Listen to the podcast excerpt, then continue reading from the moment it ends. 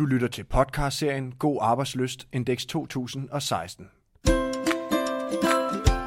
Velkommen til Grifer podcast om alt det, der giver dig god arbejdsløst.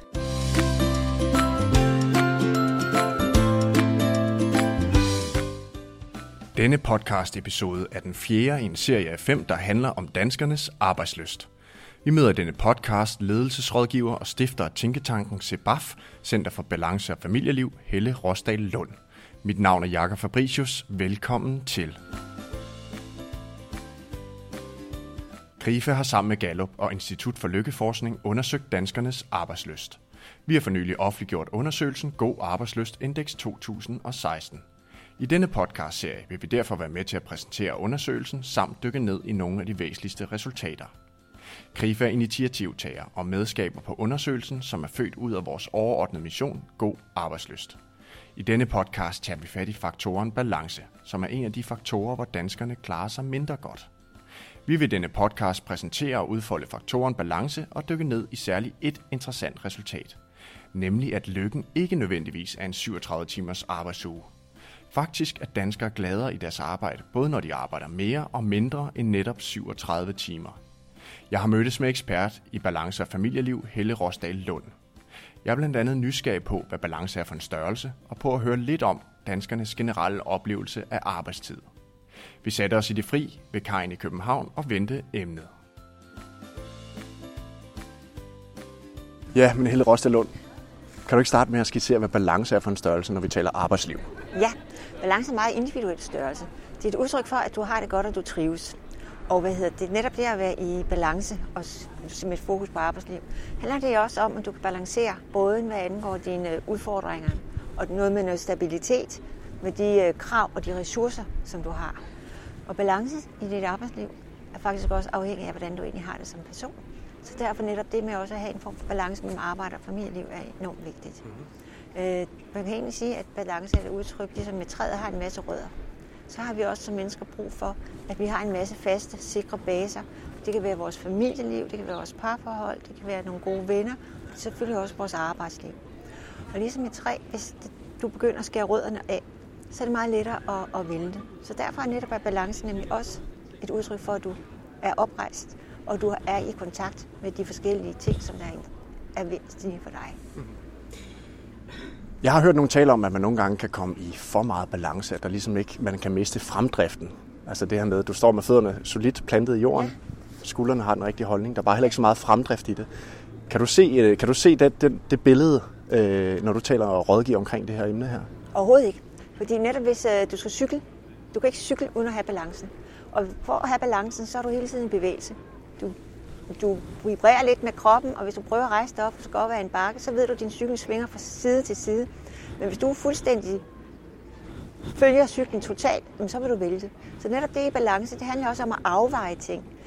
Hvor er jeg egentlig jeg er på vej hen, så jeg får det bedste flow, så jeg kommer bedst muligt op ad den her bakke. Så derfor er balance meget et centralt begreb. Så man skal ikke se på det som en tilstand, hvis det er sådan, du slår op i ordbogen, du siger, at balance det også handler om at opøve, for eksempel opøve kompetence. Det handler om at afveje forskellige ting. Nogle gange handler det også om at nivellere, det vil simpelthen sige ud, udjævne ting, som, som øh, giver dig for store udfordringer af den negative art. Øhm, så, så derfor er det her balancebegreb alt andet end tilstand. Så det du siger, det er, at vi egentlig kan bevare balancen, selvom det omkring os føles som ubalance. Er det sådan rigtigt forstået? Helt rigtigt forstået. Fordi der er netop hele tiden en form for ubalance hele tiden. Fordi du, du vil jo gerne lære noget nyt. Men netop ved, at du kan gå tilbage og tage fat i de her rødder, som jeg, jeg, jeg snakkede om, den her sikre base, så gør det også det, at du, du har kraften, du har energien til at prøve noget nyt. Fordi du ved, du vælter ikke helt. Øhm, og det er jo kun i situationer, hvor du ikke kan gå tilbage og gribe fat i nogle af de rødder. Hvis for mange rødder er ved at blive skåret over, at du mister balancen. Og de her rødder, eller den sikre base, kan du prøve at sætte lidt flere ord på, hvad det kunne være som eksempel? Ja, altså en sikker base for eksempel på arbejdslivet, er det vi fokuserer på. Det kan være, at du har en god chef, som forstår, hvad det egentlig er at lede. Og det vil sige, at han kan gå ind og tage en dialog med dig, hvis der er en masse ting, som ligger på dit arbejdsbord. Jamen, hvordan hænger det sammen med din arbejdsbyrde og de ressourcer, vi har? Skal du have nogle andre former for ressourcer? Det kan være en uddannelse, det kan være hjælp fra nogle andre. Øh, og kan gå ind og tage den her dialog. Så du er ikke bange for at komme til din chef og sige, ved du hvad, der er altså nogle ting her, hvor der kommer for meget på mit bord over for lang tid. Øhm, så det er jo en sikker base at have sådan en god chef. Hvis du har en chef, som far op og siger, ved du hvad, det må du sørge med selv finde ud af. Er du ikke klar over, at vi har selvledelse eller lignende? Men så har du en frygt. Så har du ikke den her sikker base med, at du har et menneske, du egentlig kan stole på og tage en dialog med. Og I sammen får nogle bedre løsninger, som er, er godt for helheden. Øhm, så det er en form for sikker base. Mm. Og hvis det ikke var chefen, hvad kunne det ellers være? Ja, hvis ikke var chefen, så kan det være din kone eller din mand, at du kan komme hjem og vende nogle ting, øh, som har med arbejdslivet at gøre også. Og vende nogle andre ting, du har nogle fælles oplevelser. Og det kan jo være, at I er ude øh, og har nogle øh, skioplevelser eller lignende sammen, hvor du egentlig har været ude og udfordre dig selv. Og netop det, at du ved, at jeg kan faktisk godt lige pludselig tage den røde bark, og nu kan jeg sørge mig også tage den sorte bark eksempelvis. Det tager du med dig tilbage i arbejdslivet. Fordi så har, du har en oplevelse af, at det her, det kan jeg faktisk godt. Jeg kan godt blive skubbet lidt længere, og så kan jeg godt klare det. Fordi jeg har nogen, jeg stadigvæk kan holde fast ved. Så det her med, med, med udfordringer, det er faktisk, at netop ved, at du har en sikker base, så kan du tage flere udfordringer. Hvis din base den forsvinder, så har du faktisk sværere ved at tage de her udfordringer, fordi der er for meget, som vakler. Uh-huh. Øh, og så kommer du så ud af balance igen. Ikke? Hvis vi skulle tage fat i den her øh, god arbejdsløst mm. øh, indeks 2016, som vi lavede, den måler på otte faktorer, og balance bare er en af de her faktorer. Ja. Og her angiver danskerne, at, at det faktisk ikke går så godt, mm-hmm. når vi taler temperaturmåling, altså ja. sådan her nu på balancen. Ja. Øhm, kan du se en måde, hvorpå vi kan forbedre den her umiddelbare temperatur som danskere på den faktor, hvor vi egentlig siger, at det ikke går så godt? Ja, altså hvad hedder det, øh, du kan jo gå ind og kigge på igen på arbejdsbyrden.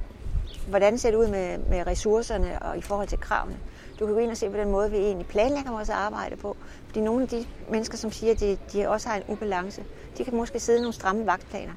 Og med vagtplaner er det faktisk sådan nogle gange, at øh, jo længere tid du har været, ikke bare på din arbejdsplads, men i din faglige organisation, jo mere, jo mere ret har du egentlig til at få nogle af de her fridage, alle gerne vil have, f.eks. juleaften. Ikke? Og det vil sige, at hvis der kommer en ung familiefar, så har han svært med at komme ind og få nogle af de gode vagter. Så man må ind og kigge også på nogle af de her arbejdsplaner. Øh, så det er jo den ene ting, der at gribe fat i det på arbejdslivet. Den anden ting, man skal være opmærksom på, det er, at vi jo har rent faktisk har en anden generation, som vil noget andet end den tidligere generation. De vil have mere tid til at få de børn og være sammen med de børn, som de har, har fået. Og de stiller nogle andre krav til at kunne arbejde mere fleksibelt, især i børnenes første levevilkår. Samtidig kommer vi til at se nogle øh, hvad hedder det, andre generationer. Vi kommer til at se folk, som har fået børn, som er over 18 år, men må bruge noget tid på en og passe deres forældre. Det er noget af det, den ting, vi også har set. Øh, og også, at øh, man skal bruge mere tid på at passe børnebørn. Så i hele taget, den her balance mellem arbejde og familieliv kommer også til at redefinere, hvad er et familieliv. Det er altså ikke kun småbørnene. Øh, der er flere faser i livet, hvor vi rent faktisk trækker på den kapacitet, som vi har som mennesker for at pleje andre.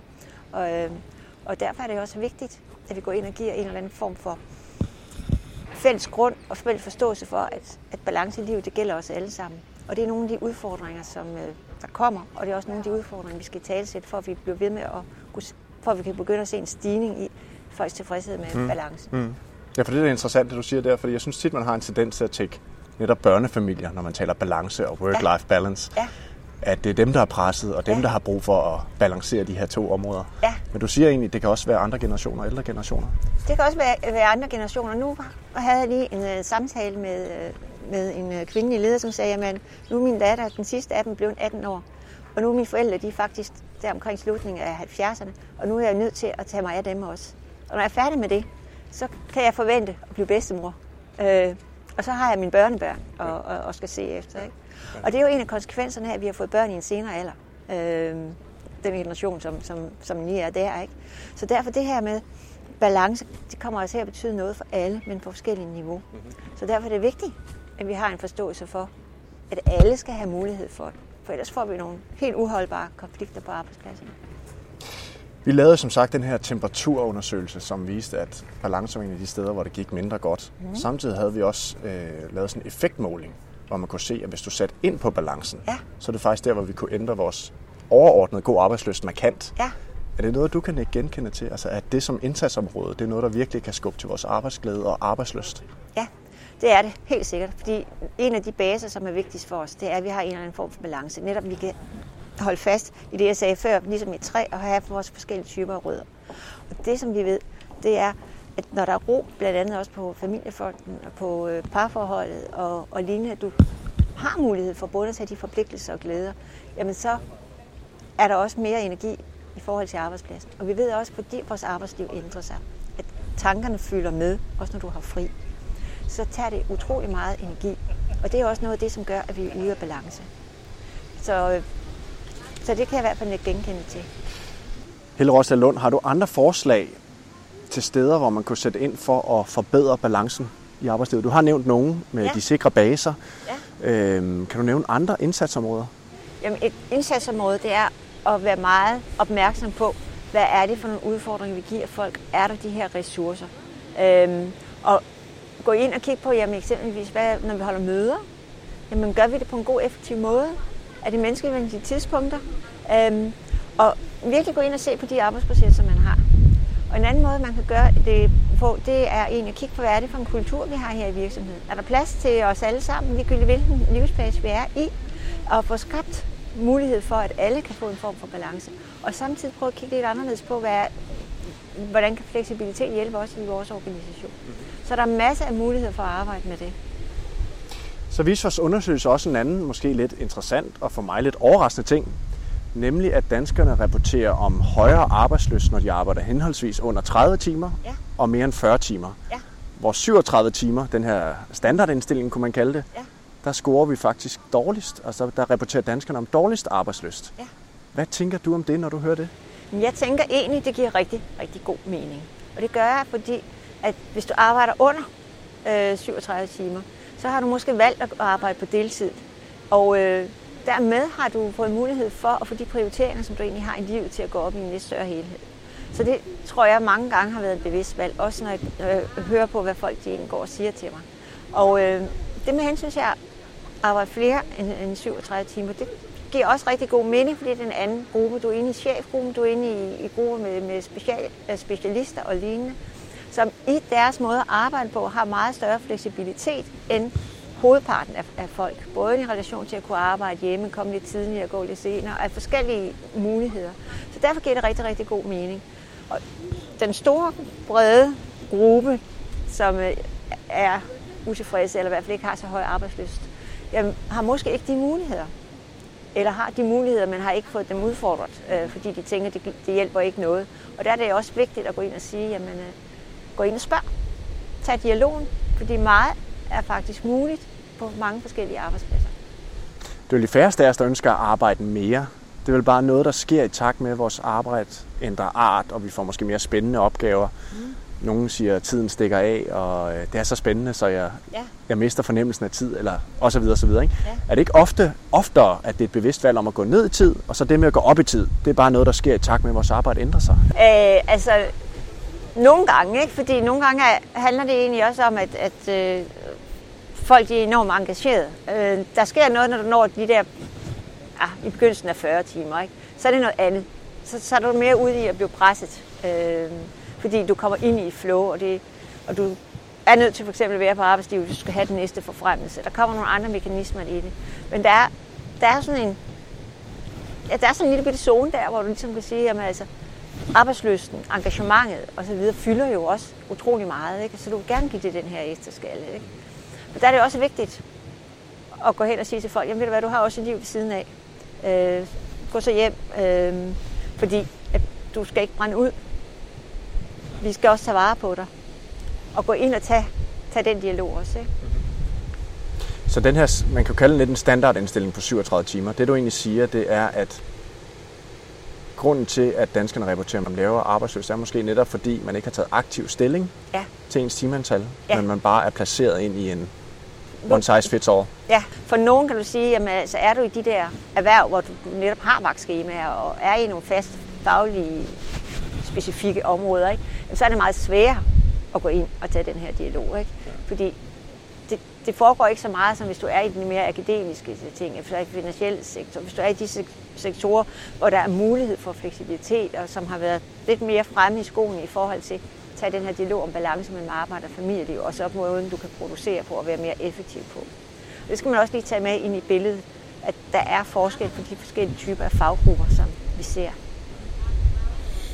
Hvis jeg nu skulle sætte ind, jeg tror, nu har du allerede nævnt, at der kan være mange forskellige balancepunkter for, for os hver især forskellige ja. steder, hvor vi skal sætte ind. Mm. Men er der noget typisk, du ser gå igen, når du sidder i rådgivning i forhold til, til mennesker, der oplever den her ubalance? Ja. Hvis du prøver sådan at, at tage nogle generelle ting op, som de ofte nævner, mm. vil der så være et sted, du vil råde dem til at sætte ind allerede i morgen, hvis Jamen, de skal opnå en bedre balance? Ja, Jamen, jeg vil råde dem til allerede i morgen at sætte ind og sige, hvad er mine vigtigste prioriteringer? Og så sige, jamen, det vil jeg, det vil simpelthen have gennemført. Og begynde at arbejde for det. Fordi noget af det værste, det er, hvis du siger, jamen det her det er vigtigt for mig, og du ikke gør noget. Fordi så lever du i evig konflikt med dig selv. Og det er det, som er udfordringen. Og det er det, som gør, at folk øh, mister arbejdsløsten og, og, ja, og også mister balancen. Ikke? Du er nødt til at tage nogle prioriteringer. Vil du gerne have øh, mindre arbejdstid? Jamen så skriv ned, hvad er det, jeg gerne vil have. Skriv hvorfor, og hvad giver det din arbejdsplads, og gå op til din chef og fortælle hvorfor. Og tag den dialog. Fordi de fleste steder kan tingene faktisk godt lade sig gøre. Så det, det at tage et, et aktivt valg, og så føre det ud i livet, er enormt vigtigt. Ja, så for eksempel i forhold til arbejdstid. Hvor I mange timer til, ønsker jeg at ligge på mit arbejde? Ja, hvor mange, ja, i den her livsfase, som jeg er i. Ikke? Øhm, og så hele tiden også være opmærksom på, at du fungerer sammen med et hold på arbejde. Og det vil sige, at I alle sammen på en eller anden måde afhængige af hinanden. Derfor er du også nødt til at have nogle fælles briller på, samtidig med, at du kommer med dit ønske. Ikke? Øh, fordi det har nogle betydninger hele vejen igennem. Som vi hørte Helle sige, så er det med balance i arbejdslivet ikke kun noget for børnefamilien. Behovet og fokus går på tværs af flere generationer. Hun taler om vigtigheden i at have det, hun kalder nogle sikre baser. Og det kan både være din partner, men det kan også være din chef, som du har et godt og tillidsfuldt forhold til. Hvis vi har nogle sikre baser, kan vi bedre klare de perioder, hvor der er tryk på i vores arbejdsliv. Da jeg spurgte ind til danskernes arbejdsuge, og hvorfor danskerne trives mindst med 37 timer, blev der peget på, at det nok handler om, at man ofte ikke har taget et aktivt valg i forhold til en 37 timers arbejdsuge. Danskere på deltid har ofte taget et aktivt valg i forhold til deres ugenlige timeantal. Omvendt har mennesker, der arbejder mere end 40 timer, ofte en større fleksibilitet og måske varierende arbejdsopgaver, der gør, at det på trods af arbejdsmængden opleves som meningsfuldt, og derfor oplever de højere arbejdsløst. Helle peger på, at flere bør udfordre deres 37 timers arbejdsuge, i forhold til f.eks. at gå ned i tid, eller måske indarbejde nogle hjemmearbejdsdage. Til sidst giver hun det råd, at hvis vi oplever en ubalance i form af timeantal eller for mange opgaver, så lav en liste allerede i dag med forslag til din arbejdsplads. Hvad ønsker du? Og ikke mindst, hvad får arbejdspladsen ud af det? Og så før det ud i livet. Lad være at vente. Du har nu lyttet til den fjerde af i alt fem episoder om God Arbejdsløst indeks 2016. Vi har nu dykket lidt ned i faktoren balance. Vi vil i den næste episode berøre de to faktorer, der har at gøre med ledelse og kollegaer, og tale om tillid. Vi interviewer derfor Danmarks førende forsker inden for tillid, Gert Svendsen Tinggaard, som vil fortælle om, hvorfor tillid er vigtigt for arbejdsløsen, og fortælle om, hvorfor virksomheder med høj oplevelse af tillid præsterer bedre end andre virksomheder. Tak fordi du lyttede med, og på genhør i næste uge.